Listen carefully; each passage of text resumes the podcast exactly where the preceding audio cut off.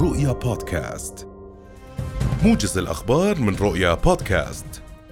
موجز الأخبار أهلا بكم. ارتفع عدد ضحايا الزلزال الذي ضرب مدنا مغربية مساء الجمعة إلى 2012 قتيلا و2059 مصابا في أحدث حصيلة أعلنتها السلطات المحلية صباح هذا اليوم. وتواصل فرق البحث والإنقاذ عملياتها للوصول إلى جميع المناطق التي ضربها الزلزال لا سيما المناطق الجبلية والنائية. من جهته قال وزير العدل المغربي عبد اللطيف وهبي إن بعض القرى دمرت بشكل كامل مشيرا إلى أن الانهيارات أدت إلى قطع الطرق. الأمر الذي يصعب عمليات البحث والإنقاذ والإغاثة.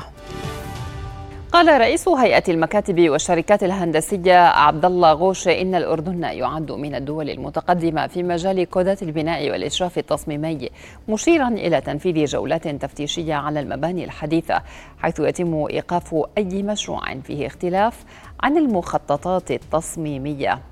وطالب غوشي في حديثه لرؤيا بإيجاد خطة وطنية لدراسة أوضاع المباني القديمة في الأردن وكيفية معالجتها والتقليل من المخاطر في حال حدوث زلزال لا قدر الله. ودعا إلى مراقبة وصيانة الأبنية القديمة مبينا أن كلفة الصيانة تعادل 10% من كلفة إعادة الإنشاء.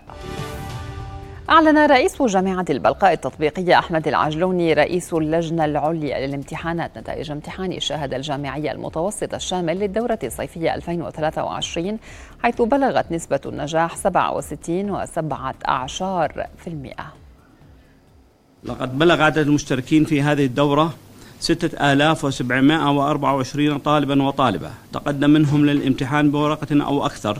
6722 طالبا وطالبة.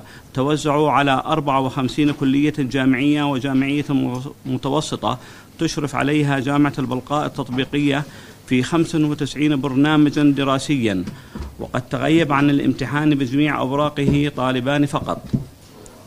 وتم ضبط عشر مخالفات أثناء الامتحان. وقد بلغ عدد الطلبة الذين استكملوا متطلبات النجاح في الامتحان لهذه الدورة أربعة آلاف وخمسمائة وأربعة وخمسين طالبا وطالبة وبذلك تكون نسبة النجاح العامة في الامتحان سبعة وستين وسبعة من العشرة في المئة وهي من ضمن نسبة النجاح العامة في الامتحان الشامل مقارنة بنسبة النجاح في الدورات السابقة. نشرت الهيئة المستقلة للانتخاب على موقعها الإلكتروني مسودة التعليمات التنفيذية الخاصة باعتماد الصحفيين والإعلاميين والمصورين والفنيين والعاملين في المؤسسات الإعلامية المرئية والمسموعة والمقروءة المحلية الدولية لتغطية العملية الانتخابية.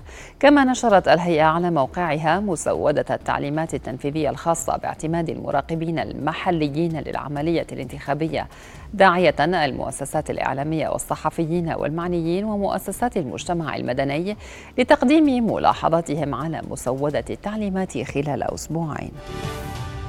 أكد رئيس مجلس إدارة نماء للاستشارات الاستراتيجية الدكتور فارس البريزات أن الأردن يخوض حربا على الحدود مع سوريا لمكافحة تهريب المخدرات.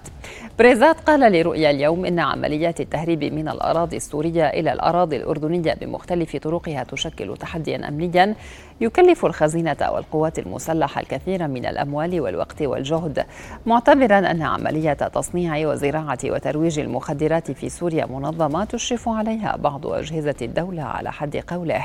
وأضاف أن جميع الطلعات الجوية التي استهدفت أوكار المخدرات في الأراضي السورية تمت من خلال عمليات استخباراتية إقليمية ودولية.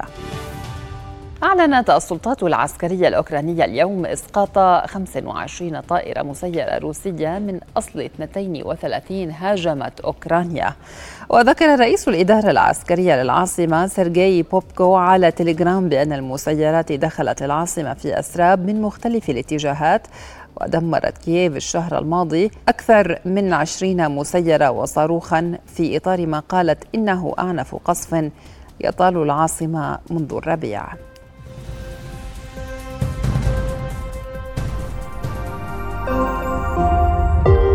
رؤيا بودكاست